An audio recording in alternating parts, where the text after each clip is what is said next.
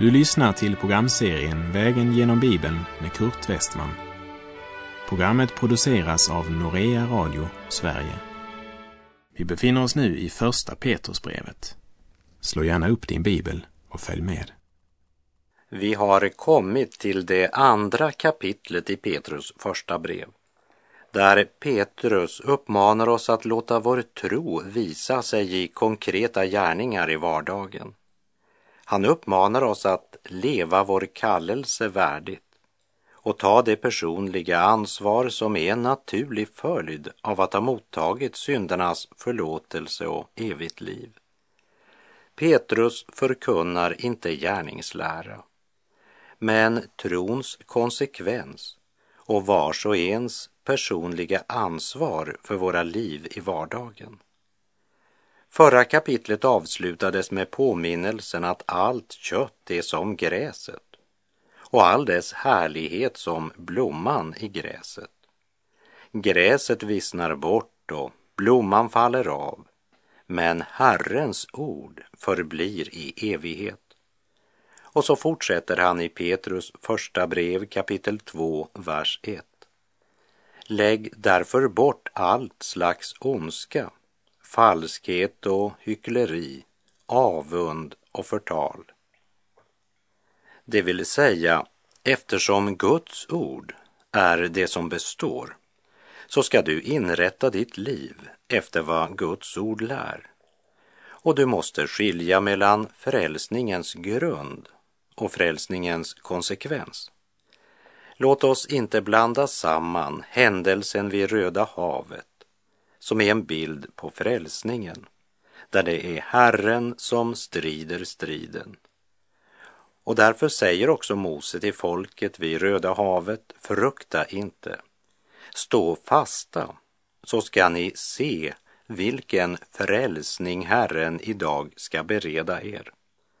Herren ska strida för er och ni ska vara stilla därvid. Den första striden Röda havet, det är en bild på Kristus stridande för oss. Men i Andra Mosebok kapitel 17, vers 8 möter vi för första gången Israels barn i kamp med yttre fiender. Helt i det här ögonblicket har Herren kämpat för dem, som det blev sagt vid Röda havet. Herren ska strida för er och ni ska vara stilla därvid. Men efter att de druckit av klippan som blivit slagen så läser vi i Andra Mosebok 17, vers 9. Då sade Mose till Josua, välj ut manskap åt oss och dra ut i strid mot Amalek. Den första striden, Röda havet, det är en bild på Kristus stridande för oss den andra striden, striden mot Amalek, är en bild på den helige Ande stridande i och genom oss. Den första striden är över. Segern är vunnen och en evig frid är uppnådd. Det är fullbordat. Den andra striden, den pågår så länge vi lever. Och det är den striden Petrus fokuserar på här i Petrus första brevs kapitel 2. Striden mot Amalek, kampen mot vår egen onda natur, den kommer som ett resultat av att vi har fått en ny natur. Den striden, den börjar först efter att vi är födda på nytt. Det är inte en strid för att bli Guds barn. Men det är en strid vi måste kämpa därför att vi är Guds barn. Guds nåd och syndernas förlåtelse och den helige Andes gåva, med det följer ett ansvar som vi inte kan komma ifrån om vi ska vandra med Gud. Det är vissa saker vi inte kan ta med oss på den väg där vi nu vandrar. Den nya vägen är så smal att det är inte plats till ondska, falskhet och hyckleri, avund och förtal på den vägen. Därför ska vi lägga bort allt sådant Lägga bort talar om något man medvetet arbetar med. Det går inte av sig själv. Det är ett ansvar som är en naturlig följd av att ha fått medborgarskap i Guds rike. I sitt brev till de troende i Efesus så skriver Paulus i Efeserbrevet 4, verserna 22 till och med 25. Ni har lämnat ert förra liv och lagt av den gamla människan som går under bedragen av sina begär. Och ni förnyas nu till ande och sinne. Ni har iklätt er den nya människan som är skapad till likhet med Gud i sann rättfärdighet och helighet.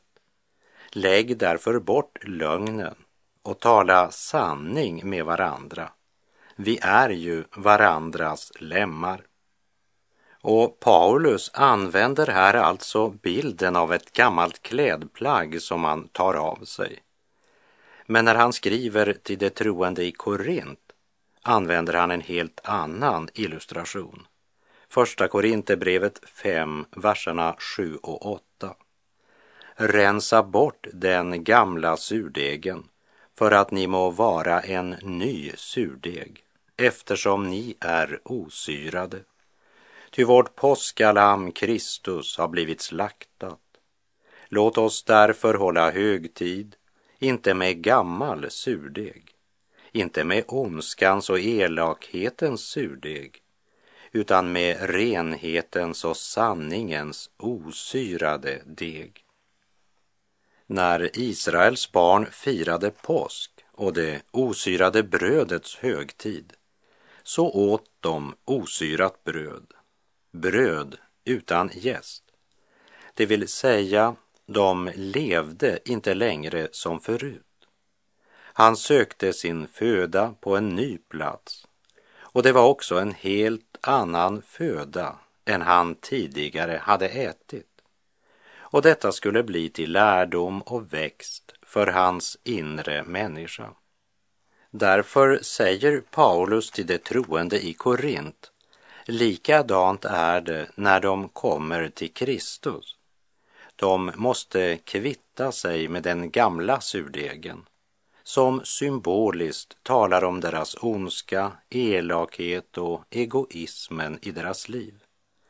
Och då ska vi komma ihåg att här är det frälsta människor han skriver till liksom när han skriver till de troende i Efesus, lägg därför bort lögnen. De var frälsta, men inte syndfria. Vi blir aldrig syndfria här i tiden. Men varken Paulus eller Petrus säger, ja, vi är ju alla syndare och vi blir aldrig syndfria så vi får bara lära oss att acceptera oss själva som vi är. Nej, det är djävulens evangelium.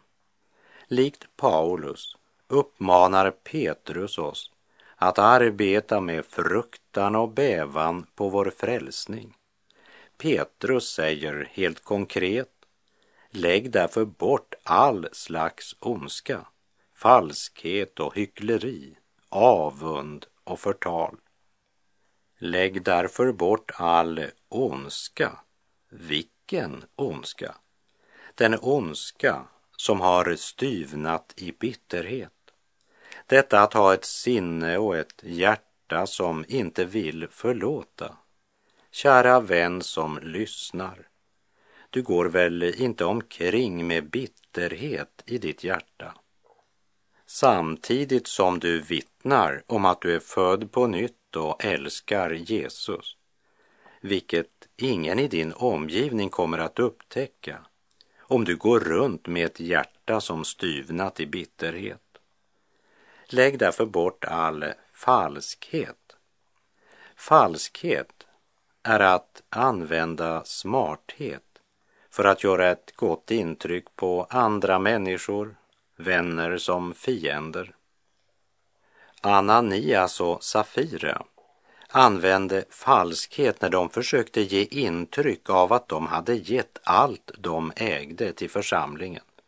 Som vi läste om i Apostlagärningarna kapitel 5. De ville verka generösare än vad de var. Lägg därför bort allt eh, hyckleri. Hyckleriet är nära besläktat med falskheten. Man försöker ge intryck av att vara något som man inte är.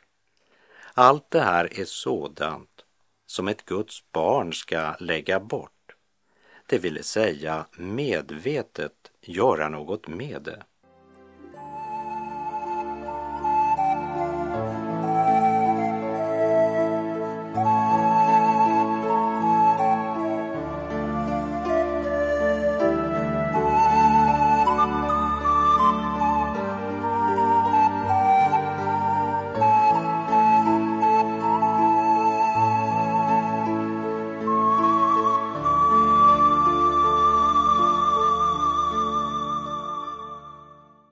När han i vers 1 nämner sådant som ska läggas bort talar han i samma andetag om vad de ska gripa.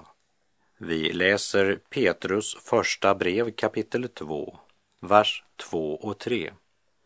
Längta som nyfödda barn efter den rena andliga mjölken så att ni genom den växer upp till frälsning då ni nu har smakat att Herren är god.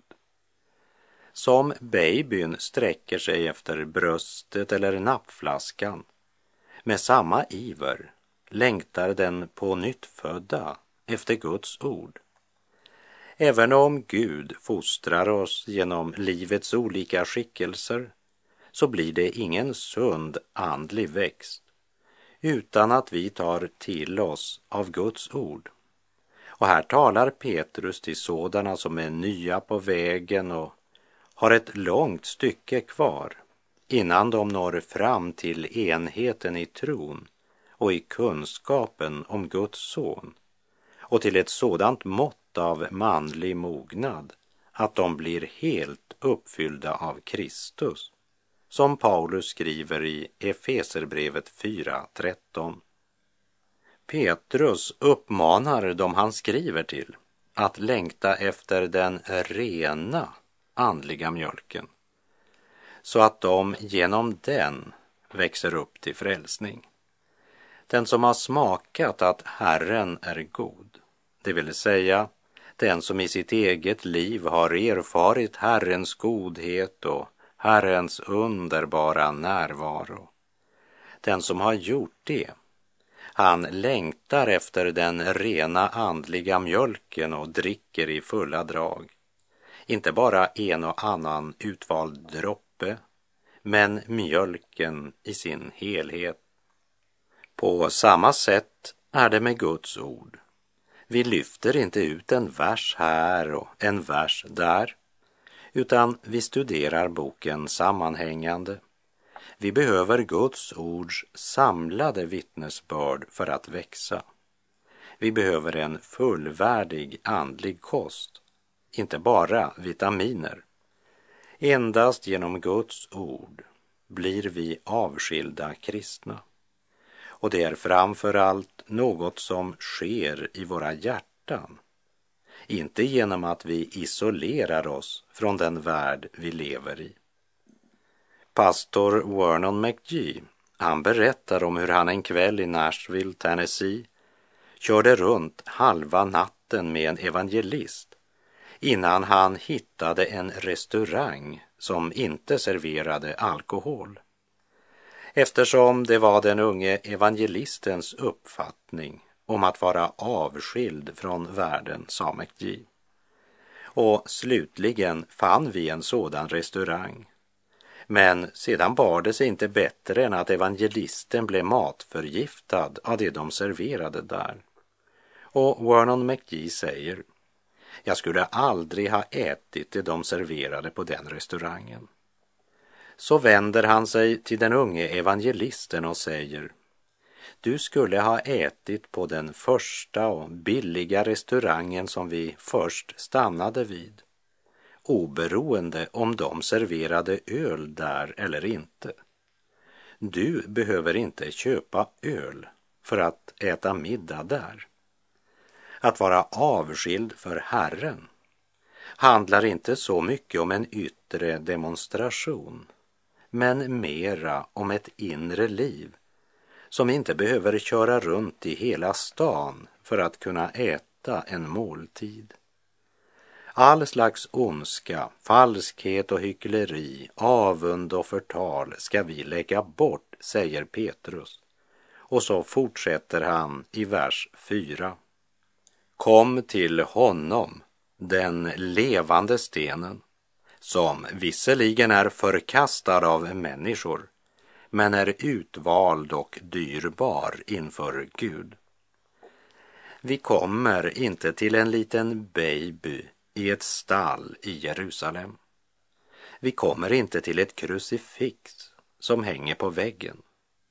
Men vi kommer som barn till den levande stenen och den levande stenen är Kristus.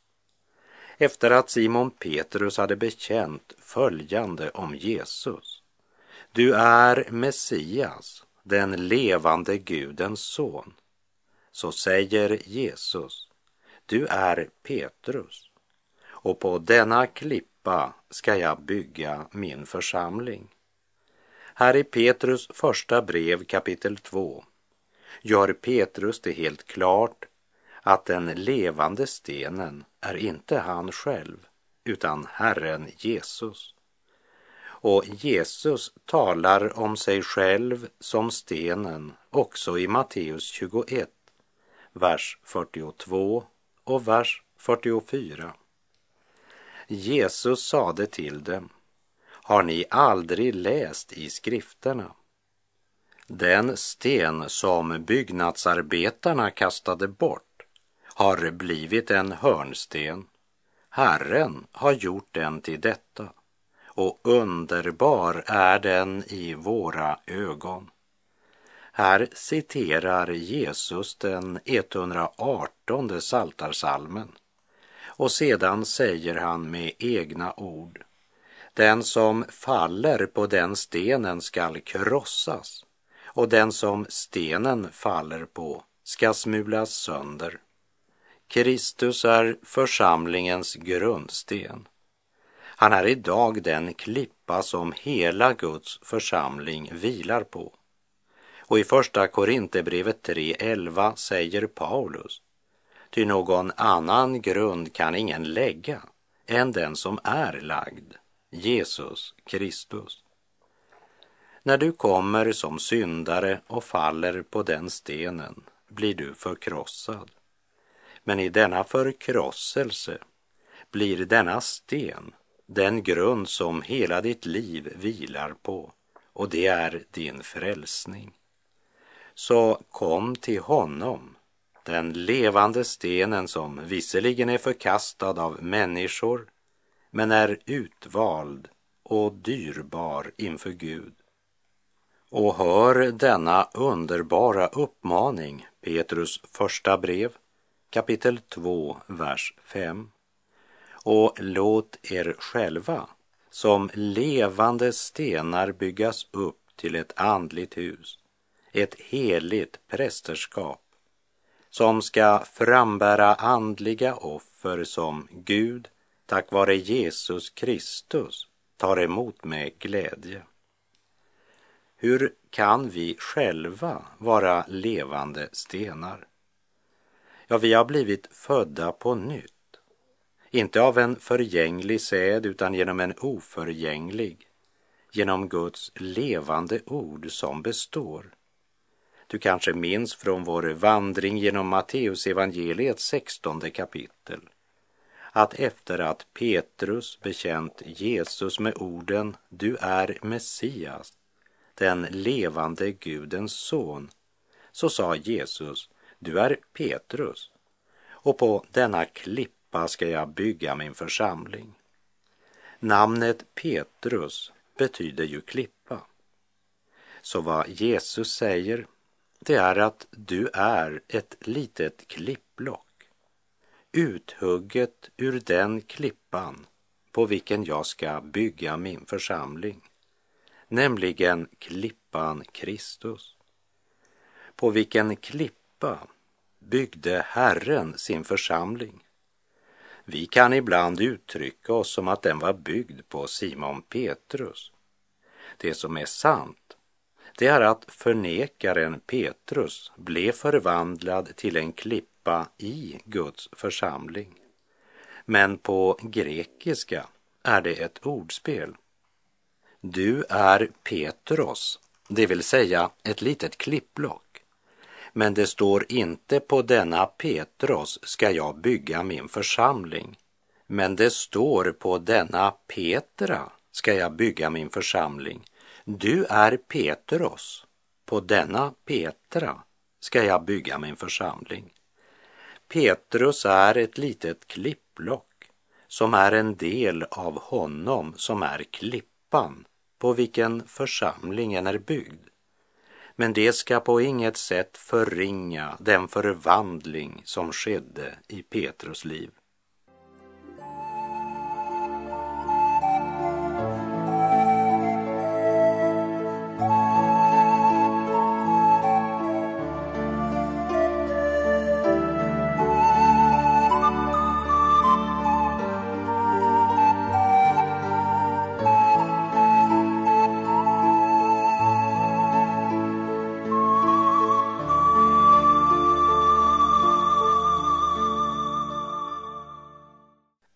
Herren Jesus Kristus är grundstenen, klippan på vilken hela Guds församling vilar, oberoende av vilket namn din evangeliska församling eller kyrka har. Herren Jesus är grundstenen och det hade Petrus förstått. Förnekaren som själv blivit en del av den klippan klippa på vilken hela hans liv och tjänst vilar, vet att det är inte bara han som blivit en Petrus, men det gäller alla som tror på Jesus. Därför uppmanar han, låt er själva som levande stenar byggas upp till ett andligt hus, ett heligt prästerskap som ska frambära andliga offer som Gud tack vare Jesus Kristus tar emot med glädje. Att komma till tro och bli född på nytt är inte målet. Det är begynnelsen. Efter att du kommit till tro ska du låta dig själv som en levande sten byggas upp till ett andligt hus. Du lever inte mera för dig själv. Låt dig placeras i ett sammanhang tillsammans med andra levande stenar så att stenarna bildar ett hus. Du tillhör ett heligt prästerskap som ska frambära andliga offer. Även Paulus talar om det här när han skriver till de troende i Efesus i Efeserbrevet 2, verserna 19 19 till och med 22. Alltså är ni inte längre gäster och främlingar utan medborgare tillsammans med det heliga och tillhör Guds familj. Ni är uppbyggda på apostlarnas och profeternas grund, där hörnstenen är Kristus, Jesus själv. Genom honom fogas hela byggnaden samman och växer upp till ett heligt tempel i Herren. I honom blir också ni uppbyggda till en Guds boning genom Anden. Idag bygger vi inte ett tempel av trä och sten, utan ett levande tempel och vi som kommer till Jesus som de syndare vi är och faller ner inför honom som lidit och dött för alla våra synder och missgärningar och mottar rening i hans blod. Vi står då under Guds nåd och välsignelse. och genom sin helige ande föder han oss på nytt och gör oss till levande stenar i sin byggnad, där hörnstenen och grunden är Herren Jesus Kristus, Messias, Guds son. Det troende utgör var och en levande stenar i ett andligt hus. Det utgör ett heligt prästerskap och de andliga offren som de bär fram tar Gud emot med glädje tack vare Jesus Kristus.